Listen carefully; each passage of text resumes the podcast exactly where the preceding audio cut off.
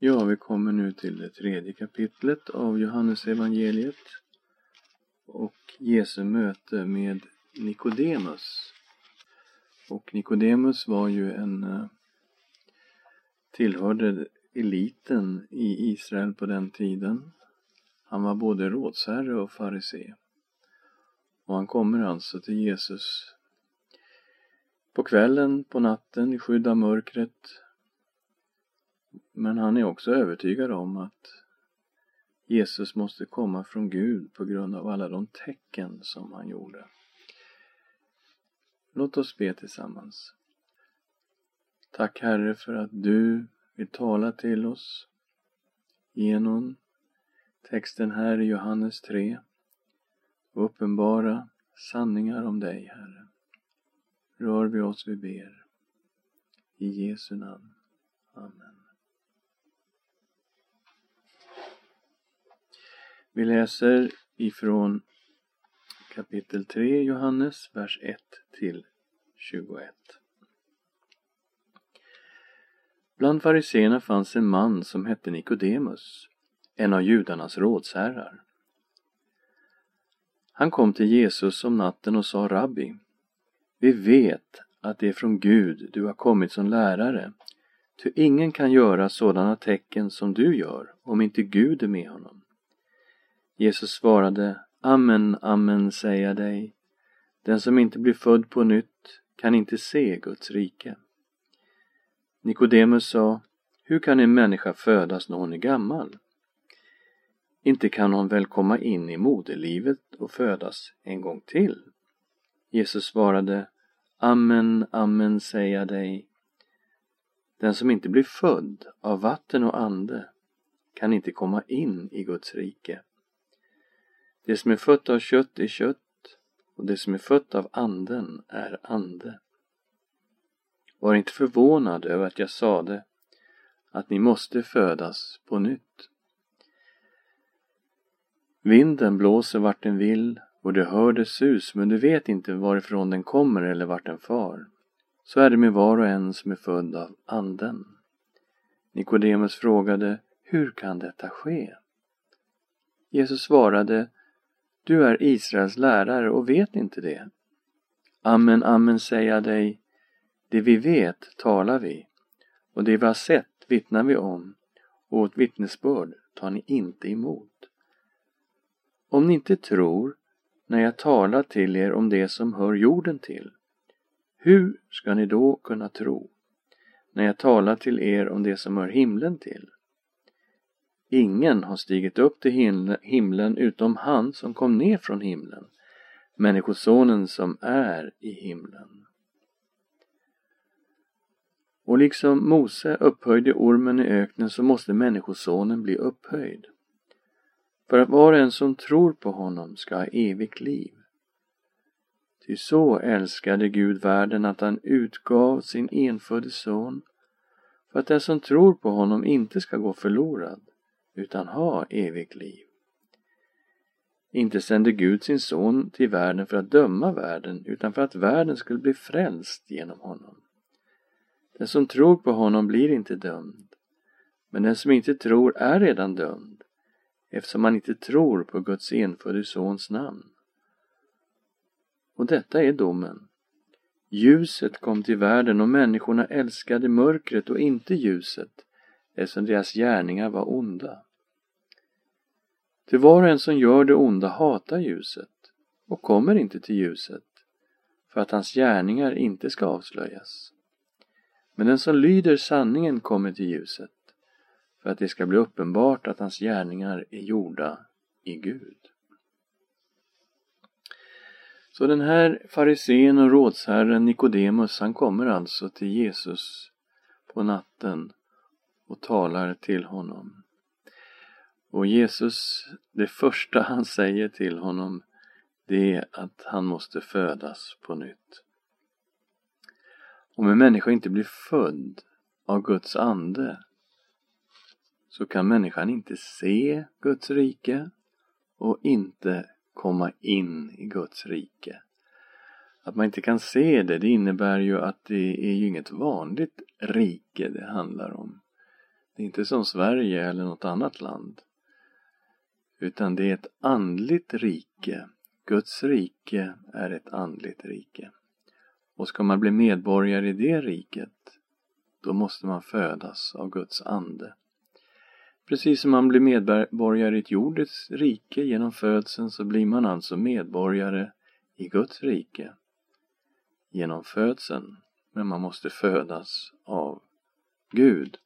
Och det är det här som vi tittade på i det första kapitlet, eh, vers 12 och 13. Men åt alla som tog emot honom gav han rätt att bli Guds barn, åt dem som tror på hans namn. Det är inte födda av blod, eller av köttets vilja, eller av någon mans vilja, utan av Gud. Så den som tar emot Jesus Kristus blir alltså född av Gud. Och att födas av Anden, det är det som krävs för att få vara med i Guds rike. Eh, det är samma ord i grekiskan, pneuma, för ande och vind. Och det blir alltså som en ordlek här eh, när Jesus säger i vers 8 Vinden blåser vart den vill. Du hör det sus, men vet inte varifrån den kommer eller vart den far. Så är det med var och en som är född av Anden. Vi kan inte se vinden, men vi kan se resultatet av vinden. Om vi står nära ett träd så hör vi ju hur det susar och vi kan se hur trädet gungar och hur löven rör sig. Och det finns en likhet när vi blir födda av anden så kommer Guds vind, Guds ande in i oss. Och det finns ett resultat av detta. Gud verkar i oss genom sin ande. Men Nikodemus han har lite svårt att förstå hur det här kan gå till. Du, och han frågar liksom hur är det här möjligt och Jesus säger Eh, du är Israels lärare och vet inte det här. Men eh, sen säger Jesus någonting som förmodligen får Nikodemus att eh, ja, nästan smälla av alltså. Det, det är helt otroligt vad han säger. I vers 12, om ni inte tror när jag talar om det som hör jorden till, hur ska ni då kunna tro när jag talar om det som hör himlen till? Ingen har stigit upp till himlen, utom han som kom ner från himlen, Människosonen som är i himlen. Okej, okay, så Jesus talar om sig själv som den som har kommit ner från himlen. Han talar om någon som har stigit upp till himlen. Människosonen som är i himlen. Hur ska Nikodemus förstå det här? Ja, det vet jag inte. Men Jesus talar i alla fall om sig själv inte bara som människa utan också som Guds son. Och sen kommer då en förklaring på hur en människa kan bli född på nytt. Och Jesus tar bilden som Nikodemus känner till mycket väl. Eh, vi läser i vers 14. Och liksom Mose upphöjde ormen i öknen så måste Människosonen bli upphöjd för att var och en som tror på honom ska ha evigt liv. Det var ju så att Israels barn var i öknen Eh, de gjorde uppror mot Gud, mot Mose. Och Gud sände ormar, giftiga ormar som bet människor som straff för synden. Och flera dog. Och när det här hände så uppfattade Israels folk att de hade syndat. Och de sa till Mose, vi har syndat. Vi ångrar oss. Och eh, de bad honom att be till Gud att Gud skulle ta bort de här ormarna. Och när Mose bad till Herren så sa Herren att han skulle göra en kopparorm och sätta den på en stång jättehögt så att alla kunde se den. Och när man såg upp till den här kopparormen så blev man helad ifrån sitt ormbett. Och eh, det finns ju så att säga en baksida av den här, en mycket djupare dimension av detta. Vi är alla bitna av en orm. Ormens gift finns i oss alla och vi kommer alla att dö. Den onde kom i form av en orm till Adam och Eva och synden kom in i mänskligheten.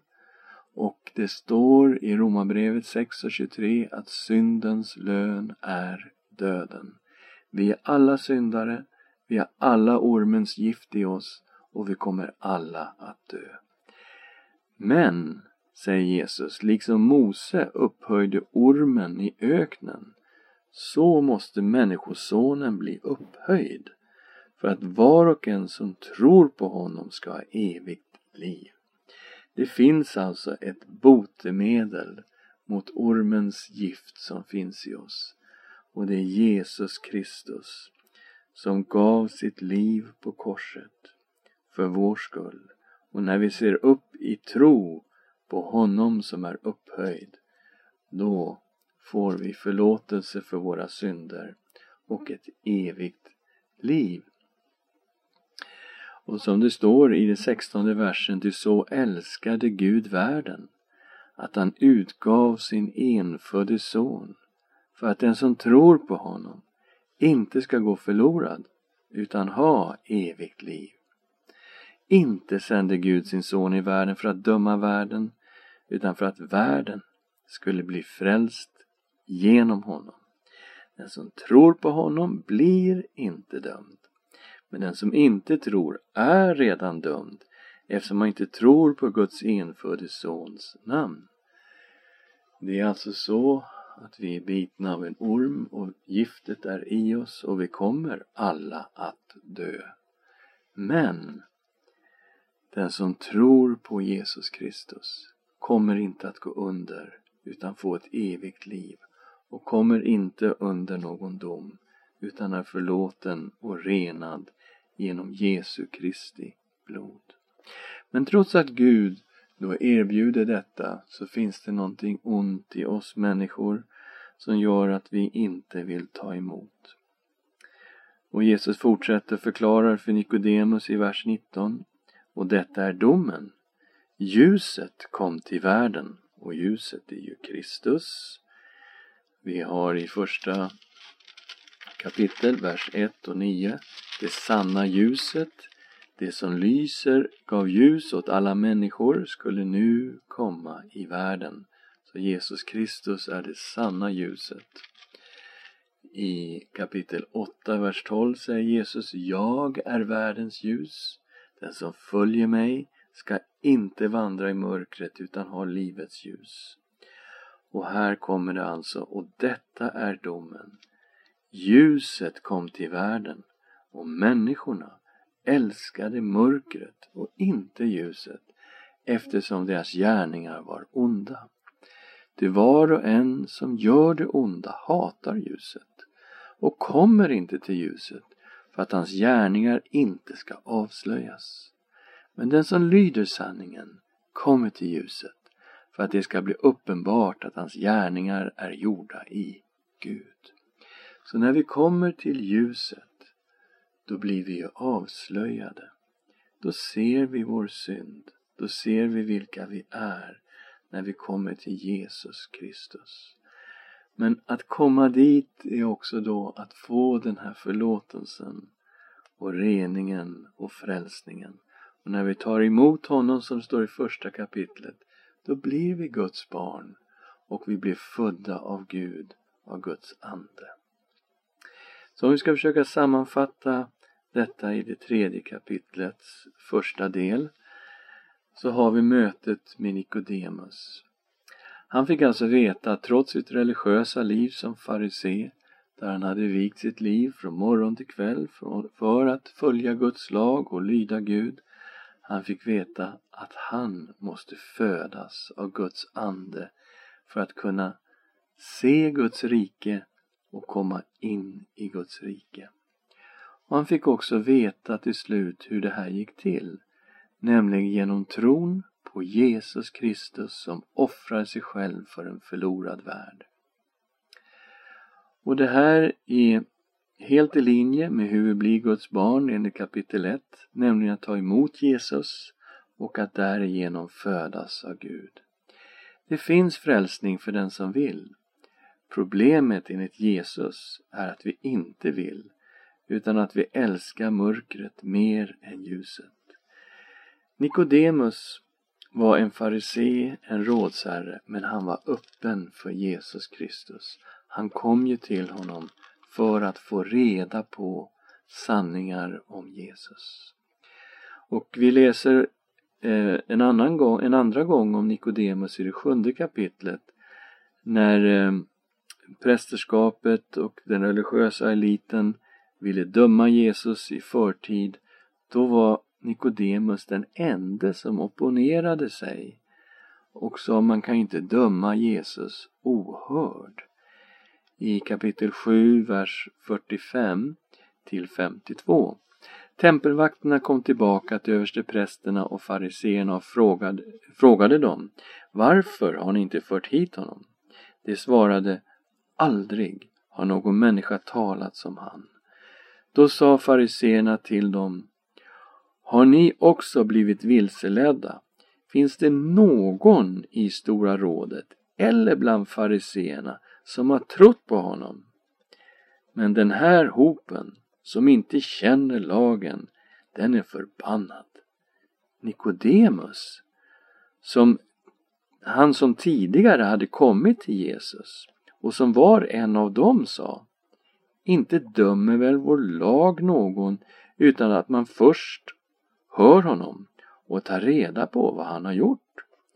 Det svarade Är kanske du också från Galileen? Om du undersöker skriften ska du se att ingen profet kommer från Galileen.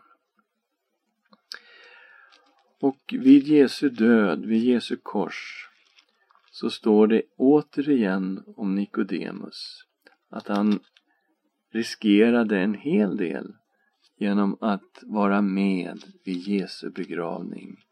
Vi läser om det i Johannes 19 vers 38 till 40.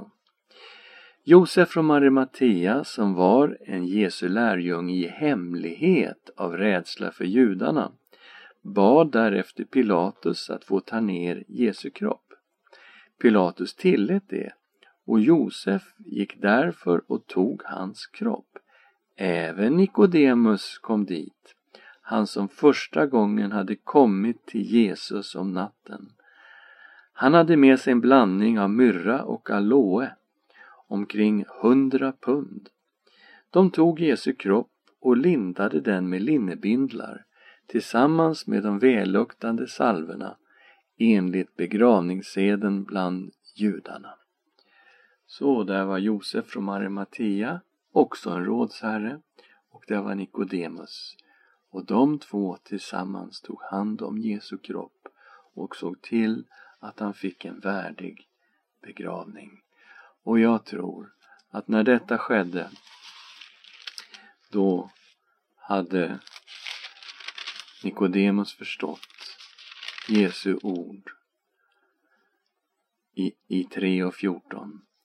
Liksom Mose upphöjde ormen i öknen så måste Människosonen bli upphöjd för att var och en som tror på honom ska ha evigt liv. Där tror jag allting blev klart för Nikodemus och det var som en bekännelse till den korsfäste Jesus Kristus när han var där vid hans begravning.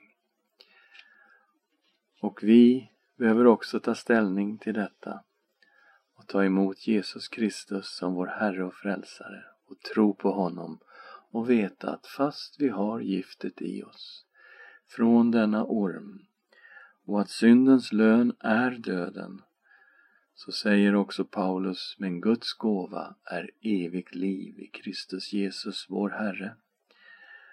Och det är det som är botemedlet för ormens gift.